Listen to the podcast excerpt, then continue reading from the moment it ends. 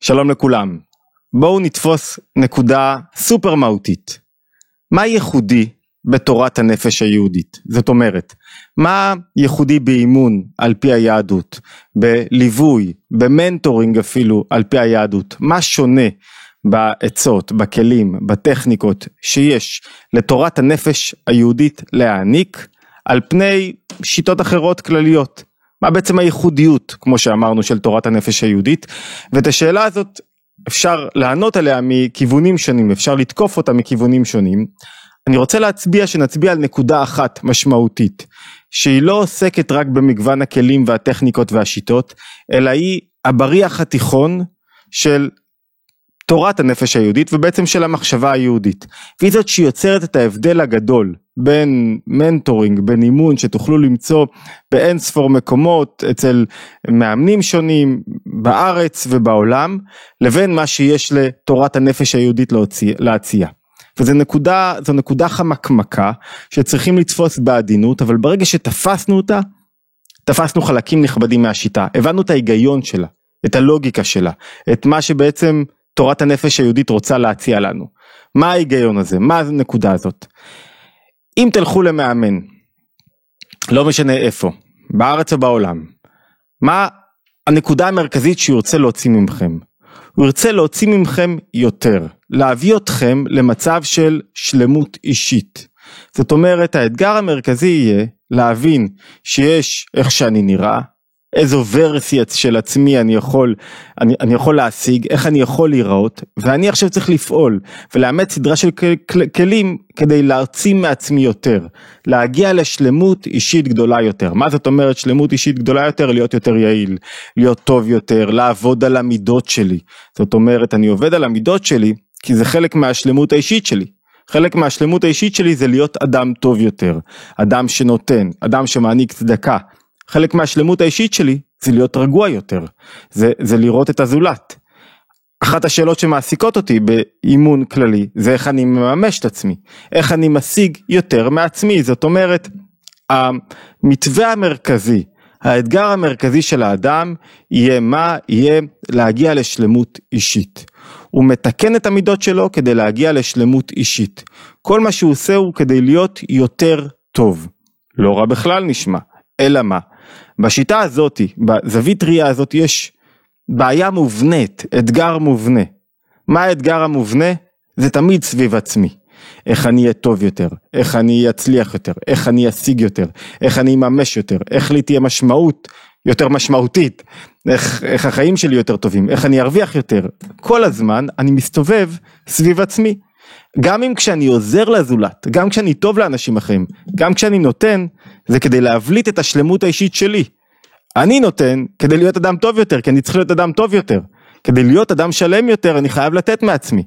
זאת אומרת, האתגר הגדול, הבעיה הגדולה ב mentoring הכללי זה שהאדם שם את ישותו ואת האגוצנטריות שלו במרכז ומנסה רק לשפר את הישות הזאת, מנסה להגיע לשלמות אישית. ו- ולפעמים זה יכול לחזור כבומרנג, כי ברגע שאני העיקר והשלמות האישית שלי העיקר, הרבה פעמים אני יכול להיות יותר מדי שבע רצון מעצמי. שבע רצון במובן של רגשות לא רצויים השתלטו עליי, כי זה הכל סביבי, זה הכל אני, איך אני משיג יותר, איך אני טוב יותר, איך אני אתקדם יותר, איך אני אשיג יותר, איך אני ממש יותר, איך אני אהיה רגוע יותר, הכל סביבי, וכשהכל סביבי, במוקדם או במאוחר, רגשות לא רצויים מסוג של חרדה ועצבות, מסוג של דיכאון ומסוג של גאווה וישות, עשויים להשתלט עליי ולהשתלט על החיים שלי, באופן כזה או אחר, במידה, בווליום כזה או אחר. מנטורינג או אימון או ליווי או טיפול יהודי מציע חלופה, מציע אופן אחר לגמרי של איך שאני צריך להתמודד ולראות את המציאות ואיך שאני צריך לשפר את עצמי. כן כמובן האדם צריך לשפר את עצמו, כן כמובן האדם צריך להוציא מעצמו יותר, כן כמובן האדם צריך לתקן את המידות שלו, אבל מה המניע, מה, מה, איך אני צריך לראות את הדברים? אם במנטורינג כללי, באימון כללי, המטרה היא איך אני מגיע לשלמות אישית, איך אני אהיה יותר טוב. המטרה באימון יהודי, או בתפיסה המרכזית היסודית של תורת הנפש היהודית, איך אני אהיה פחות עצמי. איך אהיה פחות השלמות שלי, אני, אני הופך להיות פחות אני. איך אני יותר מתקלל עם הזולת, עם המציאות, איך אני יותר מתמזג, או במילים אחרות, איך אני הופך להיות פחות מציאות.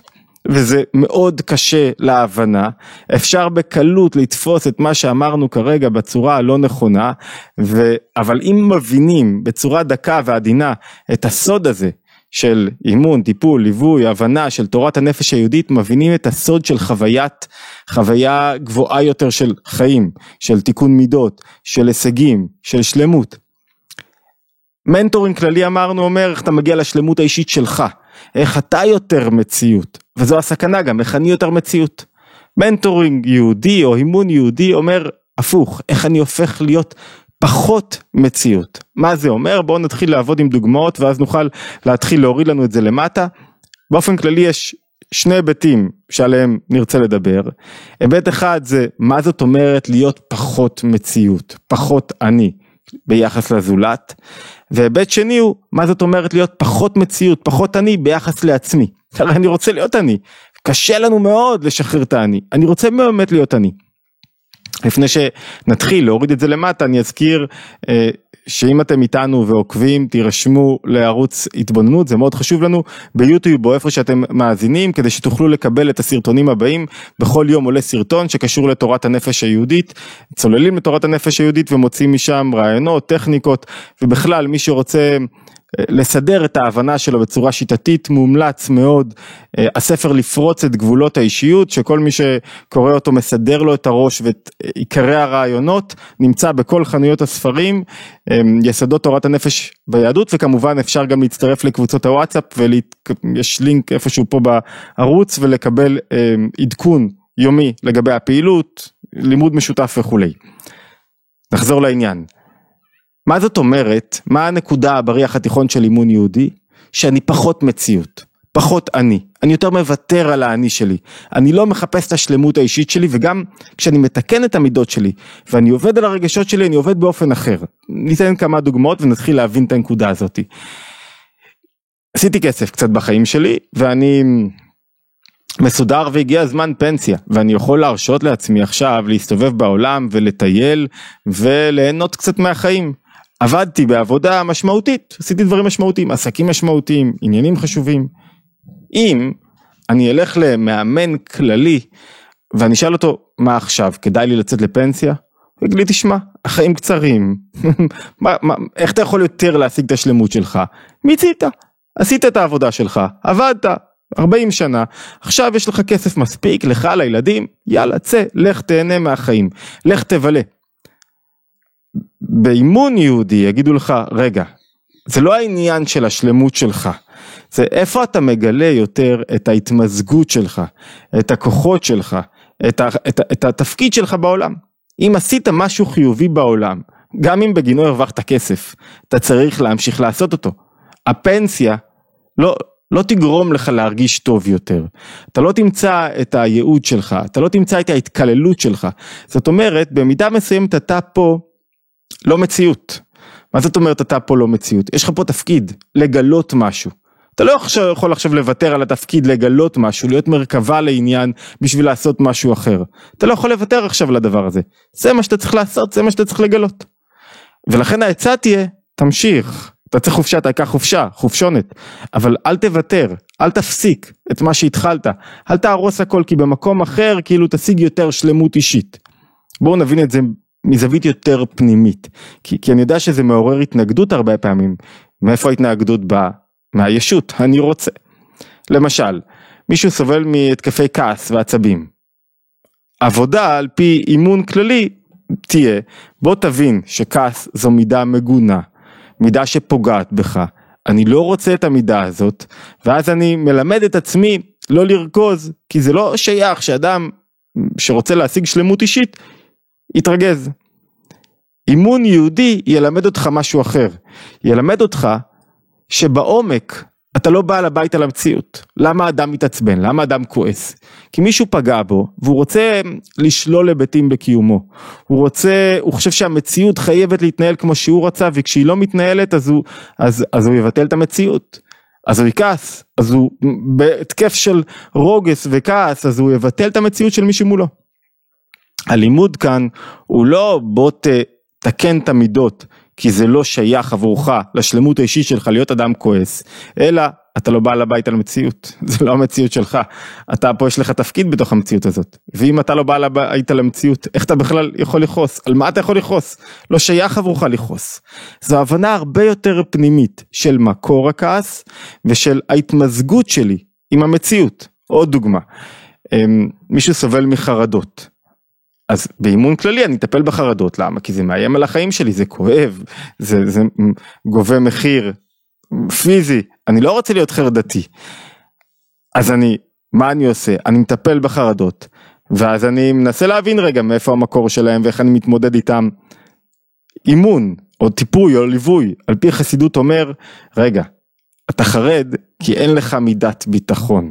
החרדות נובעות מכך שאני לא יודע מה יהיה בעוד רגע, זה משהו מובנה בתוך המציאות. אני מחליף את החרדה ביראה, כי אני יודע שבעוד רגע, אני גם לא בעל הבית על המציאות. זה לא המציאות שאני שולט בה, אני בתוך מרחב אלוקי. אני בתוך מרחב של, שלא אני בעל הבית על כל רגע ולכן לעולם לא יהיה לי ביטחון לגבי מה שיכול להיות בעוד רגע והביטחון שלי נובע רק מנקודת חיבור או יותר נכון מנקודת התמזגות ונקודת ביטול עצמי ונקודת ביטול המציאות שלי. זאת אומרת במקום להיות להפסיק את החרדות על ידי זה שאני הופך להיות יותר אני, אני מפסיק את החרדות על ידי זה שאני הופך להיות פחות אני. פחות מנסה לשלוט במציאות, פחות בעל הבית על המציאות, בדיוק כמו בנקודת הכעס. כי הרי רוב או כל המידות הלא רצויות באות מתחושת האני, החרדה והכעס. אני, הדברים לא קרו כמו שאני רוצה, אני לא יודע מה יהיה איתי בעוד רגע, אנשים לא מקשיבים לי, לא מקבלים אותי. מבטל את האני, או פחות אני. יש לי פחות אני, יש לי פחות כעס ורוגז וחרדה ורגשות לא רצויים. או אני חייב לעבוד על האטימות שלי. באימון כללי אני צריך לעבוד על האטימות שלי למה? כי לא שייך שתהיה אדם אטום. אתה אדם אטום זה, זה קשה אין לך מקור מוטיבציה. אתה לא מתמזג עם שום דבר אתה לא חש שום דבר. אז מלמדים אותך להתחיל להרגיש. באימון יהודי עצם זה שאני אזיז את עצמי אז אני ארגיש למה? כי אני אתמזג עם המציאות. אני לא צריך אני, כל מה שאני צריך לעשות זה להפסיק להפריע לעצמי לחוש לחוות להתמזג עם דברים מסוימים ואולי עוד דוגמה אחת ניקח בה בסגנון הזה כדי להבין, אמרתי לכם זו הבנה דקה ועדינה שצריך להבין אותה מאוד בעדינות. למשל, הבנה דווקא ש, שמישהו יכול להגיד רגע, אם אני מבטל את עצמי, אם אני פחות מרגיש מציאות, אז, אז יכול להיות שינצלו אותי. לא, זה בדיוק הפוך. למה האדם מנצלים אותו? זאת אומרת, על פי אימון כללי מנצלים אותך, אז אתה אומר לא, יש לי עמוד שדרה, אתם לא תנצלו אותי, לא אתן לכם יותר לנצל אותי. מה אומר בעצם, מה אומרת תורת הנפש היהודית? למה מנצלים את האדם? אתה נותן שינצלו אותך בדרך כלל. למה אדם נותן בהרבה מקרים שינצלו אותו? כי הוא רוצה שיאשרו אותו. הוא רוצה להרגיש אהוב, רצוי, הוא מרצה, כי הוא רוצה שיאהבו אותו. הוא מרצה, כי הוא רוצה אישור לקיומו. אם אני מבטל את המציאות שלי, אם אני לא אני, אני לא צריך אישור לקיומי. אני לא צריך שאף אחד יאשר אותי. אני לא צריך, ש... אני לא צריך להרגיש אהוב. נחמד לי להרגיש אהוב. אבל זה לא הבסיס לקיום שלי, יש לי קיום ואני יכול להצדיק את הקיום שלי גם בלי שאני מרגיש אהוב. אני לא מחפש שילטפו אותי כל היום, שיגידו לי כמה אתה נחמד וכמה אתה אהוב וכמה אתה טוב. אני לא, אני לא מדשן את עצמי על ידי מחמאות של הזולת. זה לא מקור המוטיבציה שלי. זו הבנה עדינה. זאת אומרת, אני לא מרצה אף אחד, אני לא מרצה לא בכדי אה, לא בגלל שאני רוצה עכשיו להיות איש חזק, אני לא מרצה כי אני לא צריך לרצות. אני לא צריך לרצות אף אחד. אני לא צריך להוריד את הראש שלי בפני אף אחד, כי אני לא מחפש שאף אחד יאשש אותי, יאשר אותי, ייתן לי אישור לקיומי. אני רוצה לעשות, אני חושב שזה נכון, אני עושה את הדברים. יש לנו שאלה ברקע מאוד משמעותית שעומדת ביסוד היכולת של אנשים לקבל את השיטה הזאת, את התובנה הזאת. והשאלה היא, אז מה יניע אותי?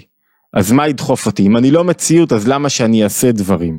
אני אדבר עוד כמה דקות על, הנקודה הזאת שהיא מאוד חשובה, כי הרבה פעמים לאנשים אומרים, רגע מה אם אני לא מלא אגו אז מה יניע אותי? הרי אני רוצה להצליח, זה הכל סביבי, זה הכל אני. וכל השיטה אומרת להיות פחות אני, פחות מציאות.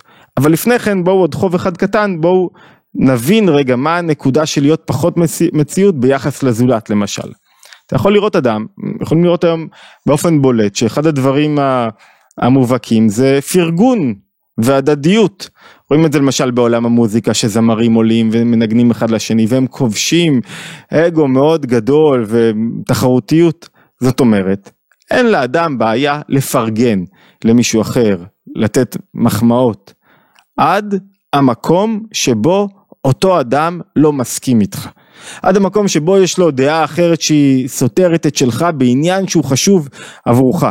במקום הזה אני פתאום אומר לא לא לא לא לא לא לא אני לא מוכן, אני לא מוכן, לא מוכן לוותר בשום פנים ואופן, ואז אני אומר, אותו אדם לא מבין שום דבר. זאת אומרת, לא אכפת לי להחמיא, לא אכפת לי אה, לראות את המעלות של הזולת, כי אני אדם שמכבד, אני אדם שנותן כבוד. כל עוד המעלות שלו לא באות על חשבון השלמות שלי. ואם הן באות על חשבון השלמות שלי, אני מתקשה להעביר על מידותיי. דוגמה קלאסית למשל ראיתי בקורונה. חבר'ה ש...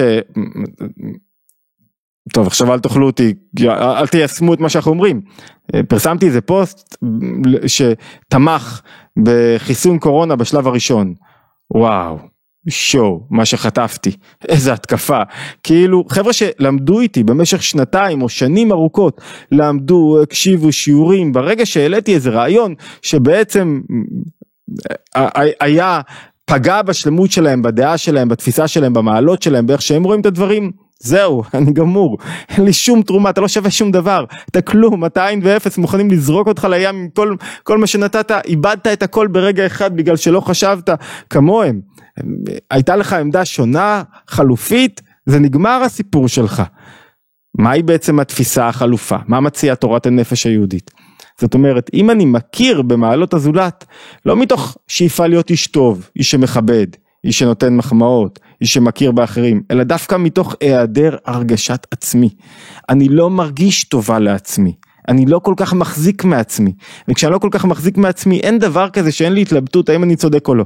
אני, אני, אני, כאילו, יכול להיות שאני טועה, יכול להיות, יש בזה הססנות בריאה. לפעמים צריך לקבל החלטה, מקבלים החלטה, הולכים איתה עד הסוף, אבל אני נותן מקום, מסוגל להכיר גם במעלות אחרים, במחשבות שלהם. אין רע מוחלט או טוב מוחלט. אחד הדברים הכי קשים והכי מרגיזים בפוליטיקה. שאתה רואה שמוחקים לגמרי אדם מסוים בגלל איזה דעה, ציוץ, רעיון. נו בסדר, אז גם אם הוא אוחז בעמדות הפוכות לשלי, אני לא יכול לבטל את כל המהות שלו, את כל מה שיש לו לתת. וכל זה רק מתוך הרגשת עצמי מאוד גדולה, מוגזמת. וכשאני מקבל אותו מתוך מקום של אני לא מחזיק טובה לעצמי, אני יודע לסגת, אני יודע לא להיות מציאות, אני יכול גם לראות את המעלות שבו, גם אם אני לא מסכים איתו. ואז אני יכול באמת לסבור שהזולת, גם אם אני לא מסכים בעמדה מסוימת, הוא מוכשר ממני, ויש לו מעלות גבוהות, והוא טוב ממני, ואין לי בעיה לחיות עם זה, זה לא מפריע לי לחיים שלי, זה, זה לא שולל לי את הקיום. אני, אני לא צריך להיות הכי טוב בעולם כדי לחיות, כדי להיות מרוצה, כדי להיות שמח, כדי להיות טוב לבב, כדי להיות אוהב, כדי לא לסבול מרגשות לא רצויים. מה אמרנו עד עכשיו, אם נסכם?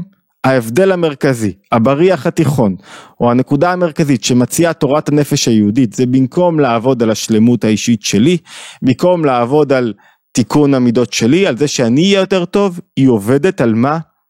על זה שאני פחות אהיה, פחות מציאות. ואז ממילא המידות שלי מתקנות. כי אני פחות מציאות, המידות מתקנות והרגשות מתקנים והסבל שלי מתקן ואני יותר סבלן לסביבה ואני רואה יותר אחרים ואז ממילא כשאני פחות מציאות לעצמי אני פחות דואג לעצמי, פחות בדיכאון, יותר עושה ויוצר כי זה פחות אני, יש לי יותר שליחות.